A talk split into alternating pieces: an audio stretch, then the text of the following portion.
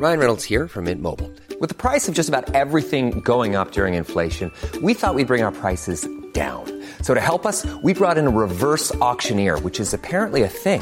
Mint Mobile unlimited premium wireless. Ready to get 30, 30, bit to get 30, bit to get 20, 20, 20, bit to get 20, 20, bit to get 15, 15, 15, 15 just 15 bucks a month. So, Give it a try at mintmobile.com slash switch. $45 upfront for three months plus taxes and fees. Promo for new customers for limited time. Unlimited more than 40 gigabytes per month. Slows. Full terms at mintmobile.com. Hej och välkomna till Indiepodden nummer 32 i ordningen. Idag ska vi snacka upp Indy 500. Meningen var att vi skulle snacka upp Mid-Ohio, men vi får snacka ner det istället i och med att det har blivit eh, uppskjutet till september. Dock så har vi då kanske det varmaste Indy 500 någonsin. Och som gäst idag har vi Felix Rosenqvist som jag tagit lite kort eh, snack med om hans tankar inför Indy 500. Välkomna!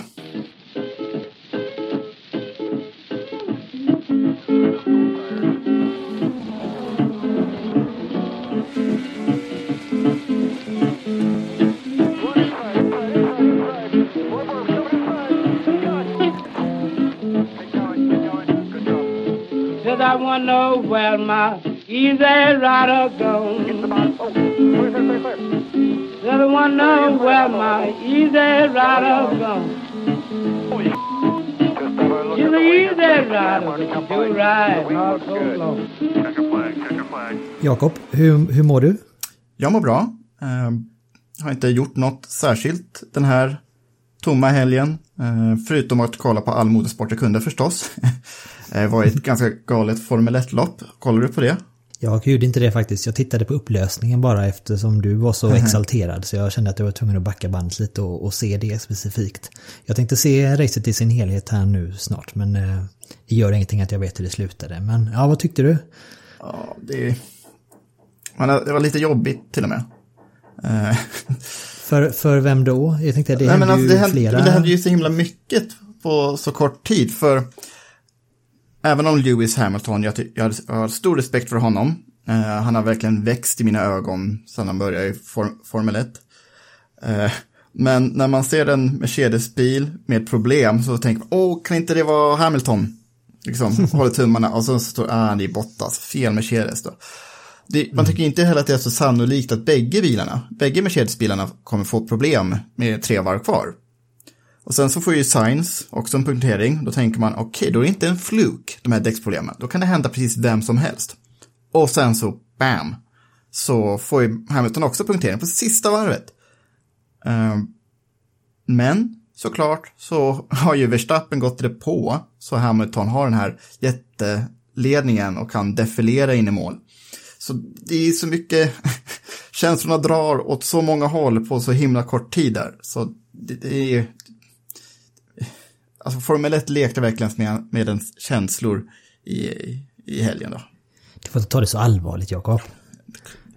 Jag tar motorsport på ganska stort allvar, kanske lite för, för stort allvar.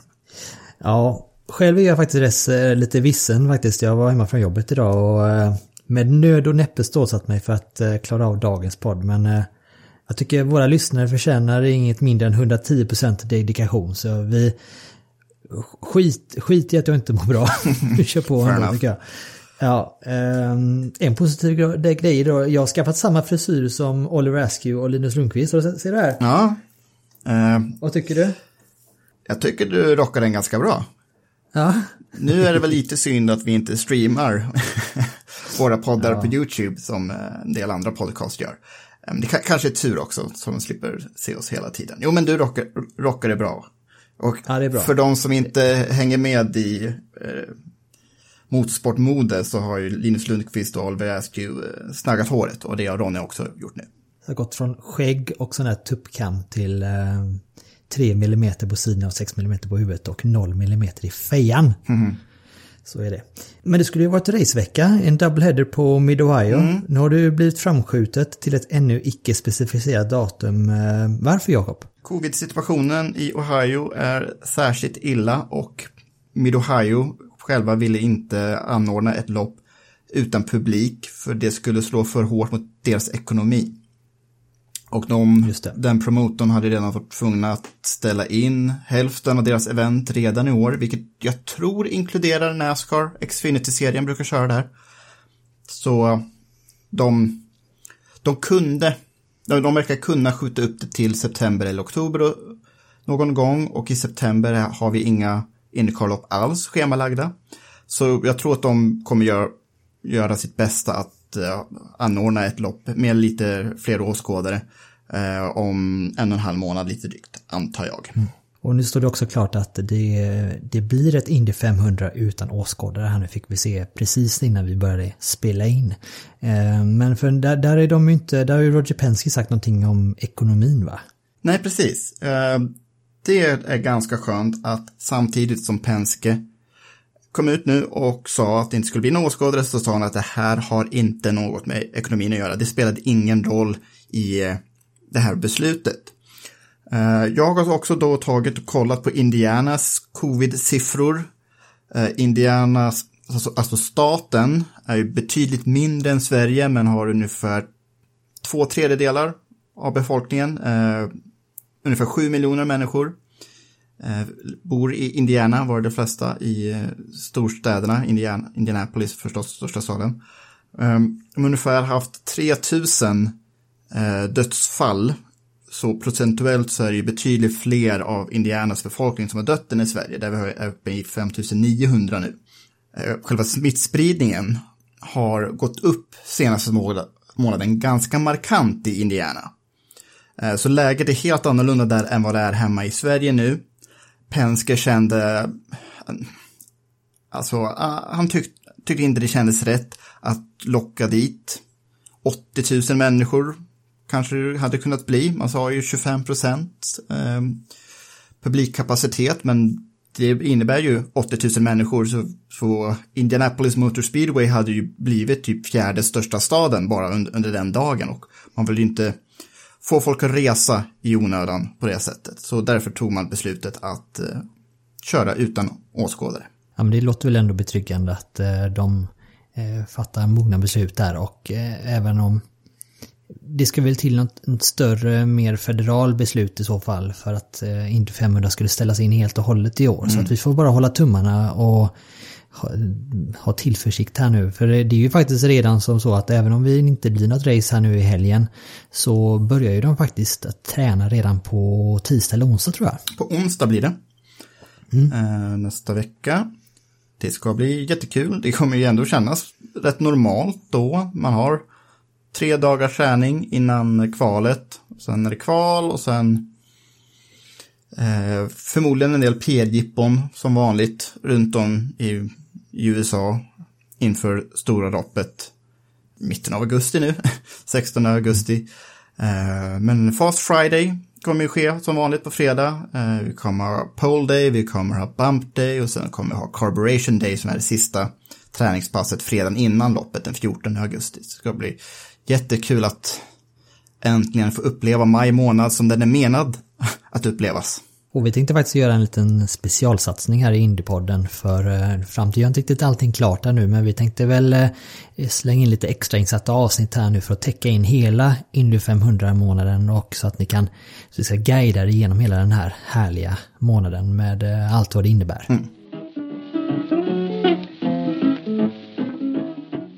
Men om vi, vi, vi ska strax prata med, eh, vi spelar upp det som Jakob pratade med Felix om. Men eh, två som däremot var i farten i helgen måste vi säga var våra unga prodigies Rasmus Lind och såklart Linus Lundqvist.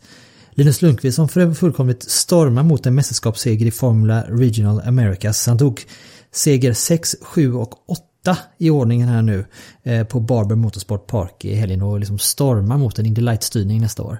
Det är helt otroligt vilken fart han har, Linus Lundqvist. Vi vet ju inte jättemycket om motståndet. Ett par stycken Indy Lights-förare har kommit. Ehm, Ett par stycken har gått också. Ehm, men fortfarande att knäcka motståndet. Ehm, det är någonting man, man kan bygga på i åratal. För det här är ju en självförtroende grej också. Det handlar inte bara om körteknik att köra juniorserier. Det är ju att eh, veta att man, man klarar av att ligga i, i vecka efter vecka efter vecka och inte tappa koncentrationen eh, trots att man leder mästerskapet stort eller så. Linus Lundqvist, åtta race, åtta pole position, eh, sju snabbaste varv också, så han ligger ju verkligen i. Det, är liksom, det finns ju, han, motståndet har ju inte ens knackat lite hål på hans pansar. Kommentatorerna också i helgen sa ju det att det är ett eh, gediget startfält faktiskt. Jag kan ju ingenting om de förarna förutom Daniel Frost. Eh, som jag vet körde, körde han Indy Lights eller körde han... Han är en av Frost, han är en av Lights-killarna. Ja, ja just det. Eh, men jag har förstått det som att det är ganska bra nivå på dem, i alla fall de här toppförarna. Eh, men en seger är en seger som Rickard Göransson brukar säga. Men Rasmus Lind gjorde också en mycket stark helg i, han var ju tillbaka i Sportvagnsmästerskapet IMSA Prototype Challenge där han eh, Rolf Ottsen andra plats till slut och dessutom satte Rasmus racets näst snabbaste tid också så grattis säger vi såklart där. Mm. Det är LMP3-prototyper. Så inte riktigt vad man kör på Le Mans. Men det är ändå är det 450 hästkrafter från en sån kanske. Och inte jättemycket vikt och mycket downforce. Så det är proper piece of kit som man brukar säga på engelska då. Mm. Så, och mycket seat time. Det är väldigt viktigt. Så eh, kul att det går, framåt i Rasmus karriär också. Mycket körtid för pengarna som Rasmus själv sa. Mm. Eh, apropå Linus Lundqvist så har vi anledning att återkomma till honom eh, efter att vi har lyssnat på Jakobs intervju med Felix. Eh, men det är egentligen inte så mycket att dröja med så varsågoda Felix Rosenqvist och Jakob Fredriksson. Okej, vi har med oss Felix Rosenqvist på Indupodden idag igen. Eh, senast vi pratade då Felix, då hade inte du vunnit ett lopp än, men nu har du ju äntligen gjort det. Eh, stort grattis får vi säga personligen. Hur har din vardag förändrats sen då den stora dagen på Road America för några veckor sedan? Eh, stort tack först och främst. Eh, nej, det, det har väl inte förändrat så hemskt mycket. Det, var, det blev ju ganska busy direkt med Iowa helgen efter där. Så att, eh, det var liksom ja, fira lite smått en dag och sen vidare liksom ladda om för helt annan utmaning på Iowa då efter Road America. så att jag tycker egentligen inte det har, liksom, fokuset har nog inte förändrats. Så det, det var nog mer skönt att få det liksom avklarat. Det kändes som någonting som skulle hända förr eller senare eh, med tanke på tidigare resultat och äh, även Texas och, där, mm. Texas och sådär i år då. Uh, nej, så det, det, är bara skönt att det är gjort och nu, nu kan man liksom sikta mot nya mål. Mm. Uh, du har haft en ledig helg, eller finns det någonting som kan liknas vid lediga helger när man professionell racerförare? Kunde du kolla ja, på? Det, det tycker jag ändå. Mm. Det har varit ganska lugnt. Um, det blev ju också nu sagt att de inte ska köra Mid Ohio så att det, mm. det blev väldigt ledigt nu plötsligt här när man har nästan gått in i, i, i race mode redan för Mid Ohio och sådär men uh, ja, kolla på F1 och lite sånt där. Uh, ta det mm. lugnt, träna, försöka hålla igång fysiken, det är väl mest det. Ja, jag är, jag är lite, jag är lite shell-shocked efter Formel 1-loppet igår alltså. Har, alltså en, en del förare är bra på att skapa sin tur, men det som hände Lewis Hamilton, har något liknande någonsin hänt dig? Ja, inte, inte för en seger tror jag inte. Eh, mm. det där var extremt mycket tur om, om man jämför med, med Bottas då som fick ja. maximal otur och inte ens mm. tog poäng. Um, nej men det var, det var kul. Jag, jag somnade faktiskt nästan och sen senare, uh, sen de tre sista varven där så var man uppe i maxpuls helt plötsligt. Så det var, det var kul. Det blir ofta sådär i F1. Mm, det leker med ens känslor typ. Uh, men om vi tittar tillbaka till säsongen i stort. Det, det tråkiga när man ser dina resultat är att segern är enda topp 10-placeringen. Men uh, mm. Var, med tanke på att det går fort på banan, i alla fall på road courses, var, har, var finns det utrymme för förbättring för att vara liksom där hela tiden? Uh, alltså det har ju varit rätt mycket upp och ner för alla den här säsongen. Mm. Uh, jag skulle vilja säga att eh, ja, det, det, är svårt att få till liksom ett, ett race känns det som. Och det är inte, det är inte bara för mig. För jag, jag ligger ju ändå nia i mästerskapet vilket inte mm. fantastiskt men det är ändå helt okej okay med tanke på hur det har gått. Och det, det säger nästan mer om liksom, hur det har gått för alla andra också.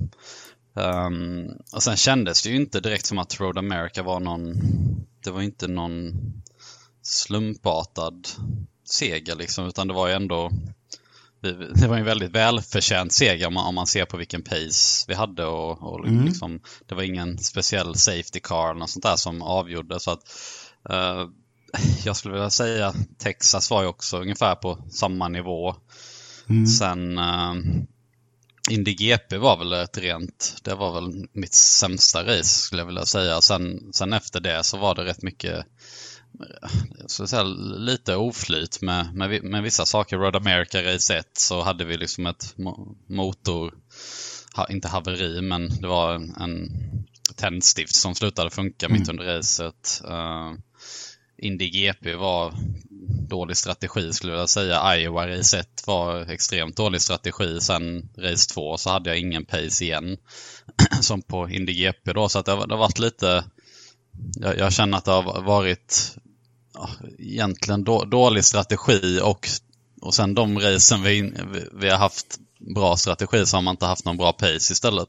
Så det har varit lite sådär, ja, halv, jag ska inte säga otur, men det, det har liksom inte varit något flyt riktigt. Och, uh, det har definitivt funnits mycket mer potential än vad, än vad vi har, har visat, ja. vilket vi, man såg på både Texas och Road America Race 2. Då, så att, uh, nej, det är väl bara liksom försöka pussla ihop det lite bättre och, lä och lära sig av det man, man uh, det, det som har hänt liksom. Och mm. framförallt mm. på Iowa Race 2, där var ju riktigt så här head scratcher när vi inte hade någon pace alls. Och, och sen racet innan så det, det känns som det ändras väldigt mycket mellan bilarna i teamet också. Vem, vem som har ett bra race och vem som inte har ett bra race. Så att det, är väldigt känsligt att få till setupen för, för varje race helt enkelt.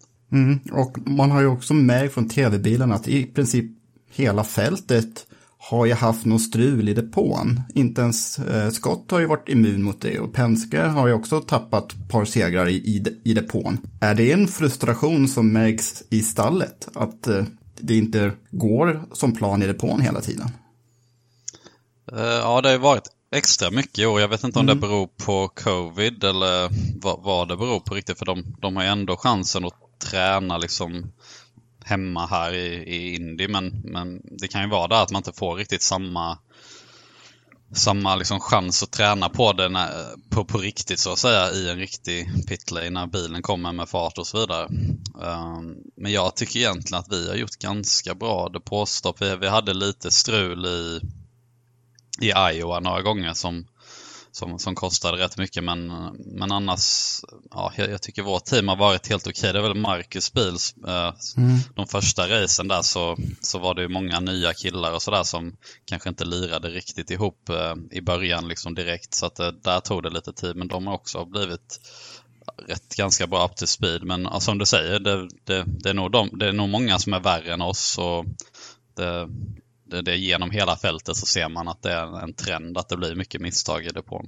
Mm. Det är intressant att se från vårt perspektiv hemma i, hemma i Sverige att den här nervositeten finns hos alla efter det här väldigt långa breaket. Och nu blir det lite break igen, tyvärr.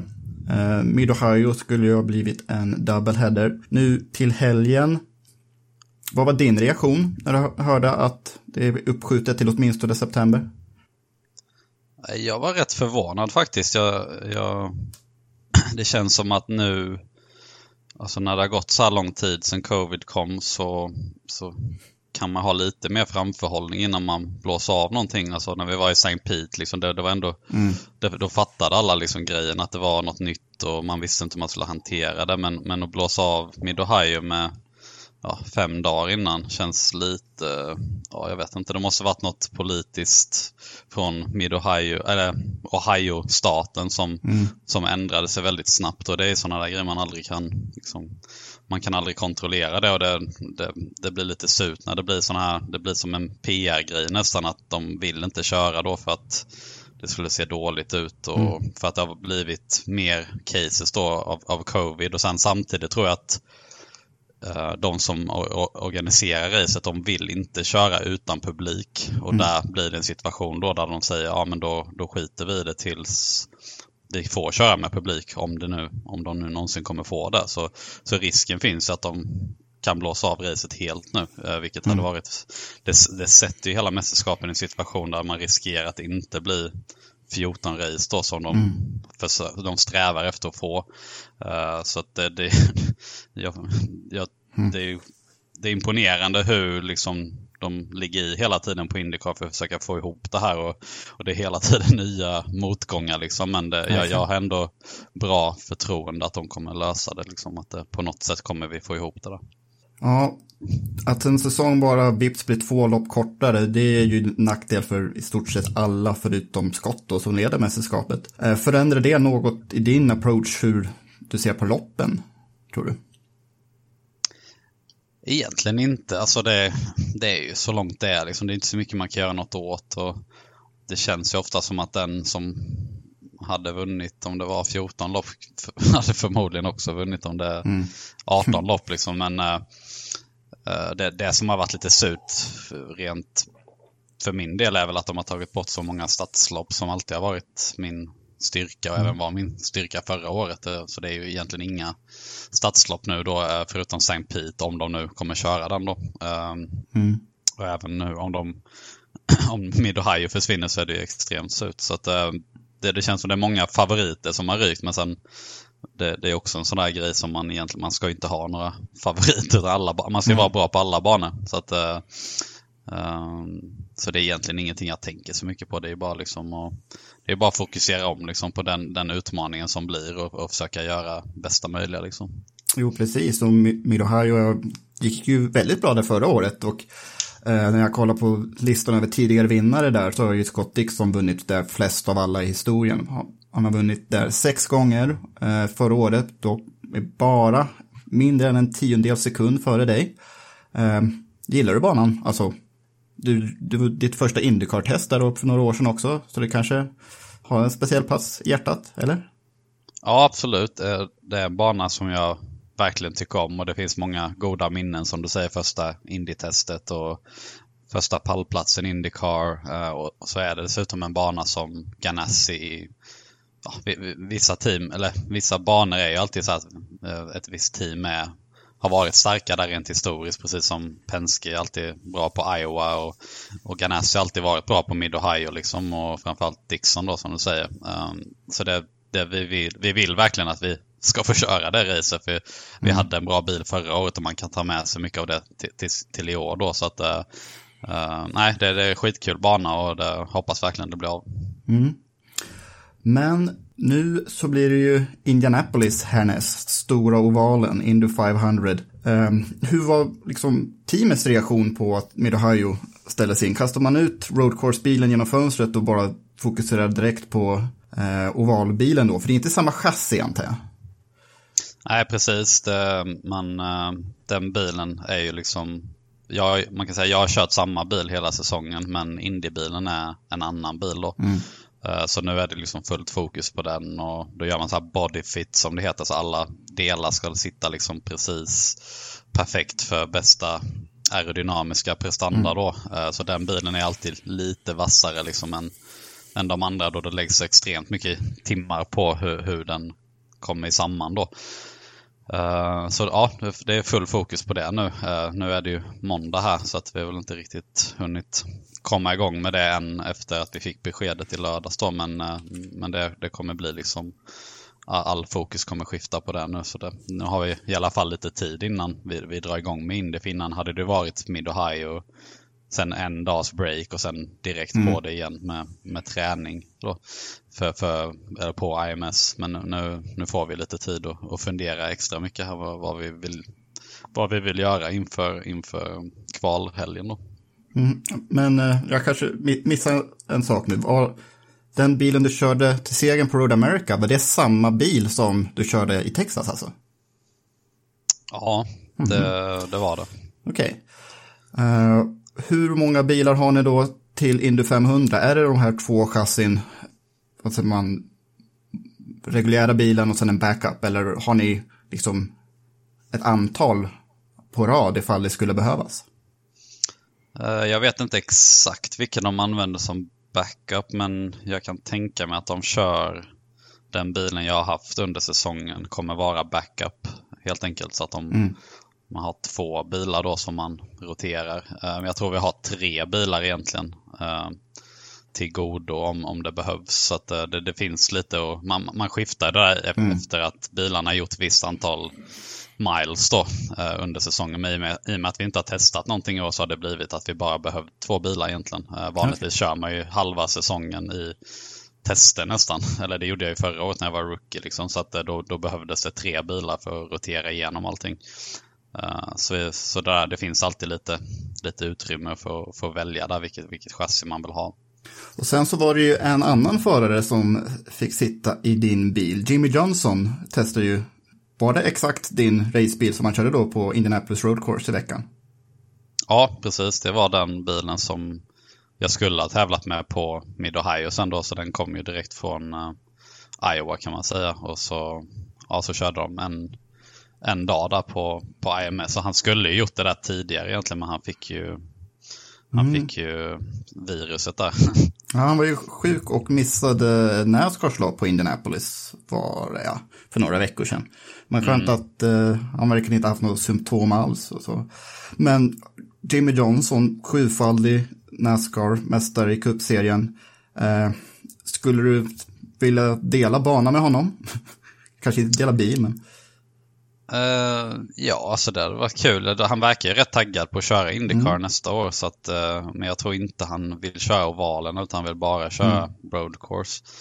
Uh, så jag vet, jag vet inte riktigt vad som är tanken för honom där. Om man ska, om man ska göra någonting med vårt team eller något annat team eller vad, vad, som, vad som är planen. Men, men han verkar ju onekligen väldigt sugen på att liksom avsluta sin karriär och köra några Indycar-race som som har varit en dröm för honom då. Eh, mm. Så det var ju kul att han fick den här testdagen som jag tror han har försökt några gånger att testa och det inte blivit av av olika ja, anledningar. Så att han, han fick till det till slut. Och jag, kunde, jag var i simulatorn den dagen så jag kunde inte vara på ja, plats och, och kolla. Men, men Dixon var där och hjälpte honom lite. Och det, det, det var, vi kunde ändå, även som team testa lite grejer så, där, så det var också rätt bra i och med att vi inte har testat någonting. Så, så jag tror det var en win-win för alla. Där. Mm, han han körde ju över 100 varv på en bana som ni ska använda senare i höst igen också. Så det kan säkert vara eh, till godo för, för er. Och eh, Dixon och Mike Hull verkar ju tycka att eh, han gjorde väl ifrån sig. Trots att han är 45 nu tror jag. Har du följt hans karriär? Kollar du på Nascar i ungdomen mycket?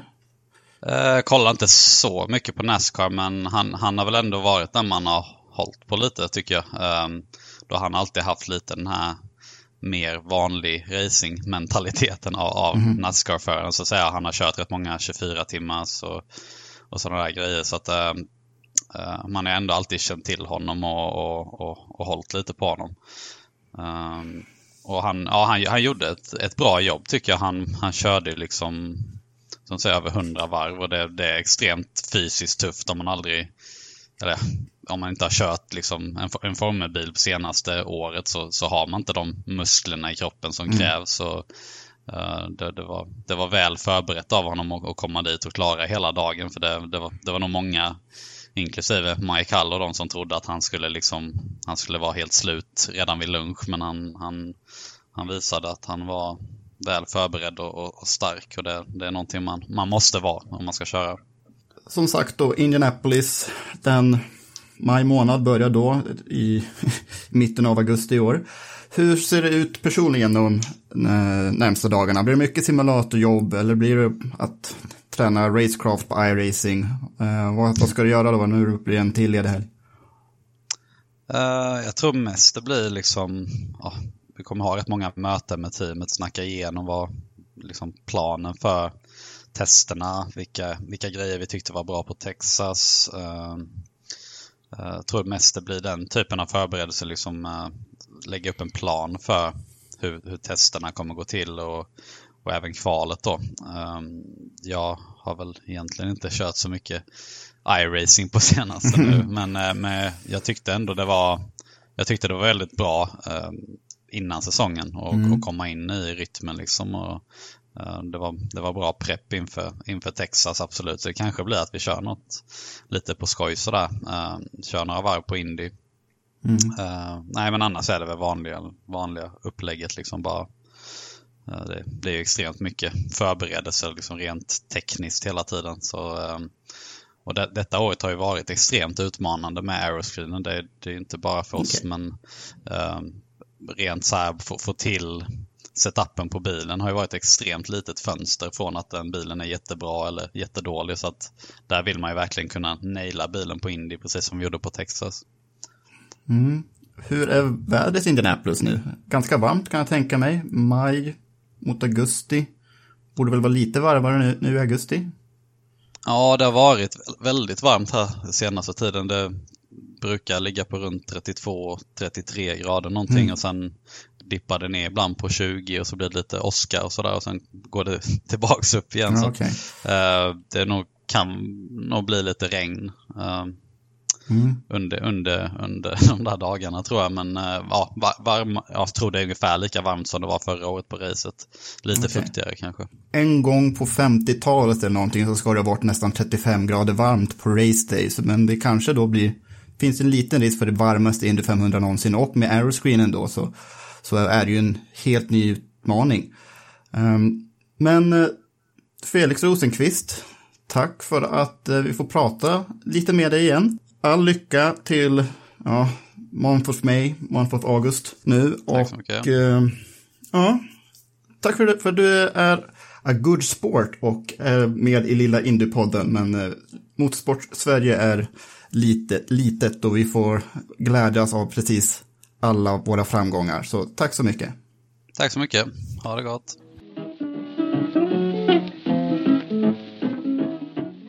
Vi är denna vecka sponsrade av Tico Racing Shop. Det finns sannerligen ingen som kan jämföras med Tico Persson och hans helt unika sortiment av racing memorabilia och diecast-modeller som han säljer eh, via sin butik i Halmstad och i hans webbshop ticoracingshop.com eller .se, det är vilket som den är knappar in, men tickoracingshop.com. Och vi hade förra veckan äran att lansera en ny lyssnartävling. Det är nämligen så att Tico har skänkt en originalposter från Sveriges Grand Prix på Anderstorp 1975. Och för att vara med i tävlingen så vill vi att ni svarar på följande fråga. Vilka före detta eller blivande Indy 500-segrare körde Sveriges Grand Prix på Anderstorp 1975? Så före detta eller blivande Indy 500-segrare, vilka var det som då körde på Anderstorp den dagen, sommaren, sommaren 75? Så ett svar vill vi, ha, vill vi att ni mejlar till podcast eh, Sista dag att vara med i tävlingen är nu på söndag den 9 augusti klockan 23.59 räcker det att ni skickar in den, men innan det blir måndag i alla fall. 23.59 svensk tid. Eh, svensk tid, ja, precis. Vi säger stort lycka till till er och ett stort tack till Tico Persson och tickoracingshop.com. Jakob, minns du för några veckor sedan då vi hade ett samarbete med Stefan Johansson.art och hans ansiktsmasker? Jo, absolut. Kommer du också ihåg att vi hade en drive där alla som signade upp sig för Lillövers nyhetsbrev också innan ett visst datum var med i utlottningen av ett presentkort värde 150 dollar? Mm, och det var ganska många som signade upp där. Det var, det är klart, 150 dollar är ju mycket. Eh, Ja, det är klart. Och Ronny, visst har vi en vinnare också? Jajamän, och det är ingen mindre än, trumvirvel, Emil Karlsson. Så grattis Emil, du får ett, inom kort ett eh, presentkort via e-post där. Grattis! Jo förresten, på tal om Linus Lundqvist. Eh, just denna veckan håller han på att eh, ta sig tillbaka till Sverige för att förnya sitt visum. Så nästa gång vi får se honom på banan är först i september tror jag va? Så ska det vara. Men i alla fall, vi är jätteglada över att Linus har gått med på att besvara Indupoddens lyssnarfrågor i nästa vecka. Så om ni har några frågor att ställa till Linus Lundqvist så kan ni passa på att ställa dem direkt via vår frågetråd på Facebook som vi startar inom kort. Och ni kan också skicka ett PM till oss eller mejla podcast så Förhoppningsvis kommer vi ska försöka få med alla frågorna tycker jag i, i nästa veckas podd till Linus. Så att skicka in frågor så det bara står härliga till. Mm. Eh, så för vi dem vidare. Det här är ett ganska bra tillfälle att få lära känna Linus Lundqvist lite närmare. För det är inte, innan det här tror jag inte jättemånga hade hört talas om honom, om honom tidigare. Han har ju kört, han har tävlat lite här och var i världen i ett antal år nu. Mm. Körde lite gästspel i Porsche Cup Skandina Scandinavia till exempel och, och brittiska Formel, Formula Regional, lite liknande det, det som man kör nu.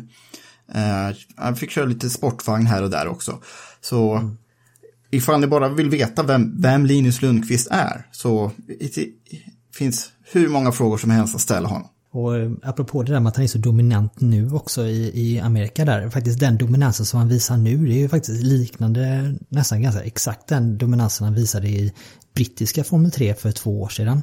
Så det är inte första gången han eh, dominerar ett mästerskap på internationell nivå så här. Vet vem han påminner mig om annars? Utseendemässigt eller? jag tänkte på racerbanan. Jag tänkte på racerbanan den här gången. Aha, Men det, okay, det påminner ju lite om, eh, om Kenny Breck och hans första sejour i USA när han körde Formula Barber Saab, tror jag det hette. Eh, mm. Början av 90-talet där han liksom var tvungen att vinna varje lopp och sen så vann han precis de loppen han behövde vinna så kunde fortsätta kar karriären och då fick han ju en första rätt viktig fot i USA. Han lärde känna racingkulturen där och så vidare. Eh, och eh, Linus Lundqvist kanske är en framtida Kenny Bräck. Låt oss se. Det tycker jag vi bestämmer redan nu att han är. Mm. Men vi kan ju fråga honom om det också. Absolut. Han är så ung, tror att han vet vem Kenny Bräck är. Eh, det är det som är frågan alltså. ja. ja, det men ja, men det tar vi, tar vi nästa vecka helt enkelt. Mm. Ja, men det var väl allt för den här gången. Tyvärr får vi väl säga. Ja, jag gillar Mid-Ohio. Det är en häftig bana och det var ju ett häftigt lopp förra året när Felix kom tvåa. Mm. Um, jag hoppas att de verkligen får in den här doubleheadern, för jag, jag, jag blev faktiskt glad när de sa att det skulle bli en doubleheader på Mid-Ohio. Det är, ett lopp, det är en bana som är värd att köras mycket på. Um, vi gör så istället, att lägger upp en historisk, rolig gammal Mid-Ohio-lopp på vår Facebook-sida som vi gör en gång i veckan lite drygt. En, en mm. klassiker. Uh, ska leta fram något bra åt er. Uh, något nördigt, något lopp som folk kanske inte sett tidigare. I alla fall, tack Automotorsport. Uh, tack alla våra lyssnare. Och uh, tack till dig Ronny, jag vet att du har varit lite under vädret. Ja, min stage health börjar sina nu känner jag här. Så mm. att, eh, det kanske är lagom att dra sig tillbaka här nu en, eh, lite grann här nu. Så att, eh, så, jag tycker vi börjar tagga, tagga till inför Indy 500 här nu. Absolut. Så drar vi igång det uppsnacket på riktigt i nästa vecka mm. kan vi säga. Indypodden sover aldrig. Nej, förutom på natten. Nej. Om det inte, och om det inte är race mm, på natten. Förstås. Tack för den här gången så hörs vi om en vecka igen. Ha det fint! Ha det fint! Hej hej! Hej!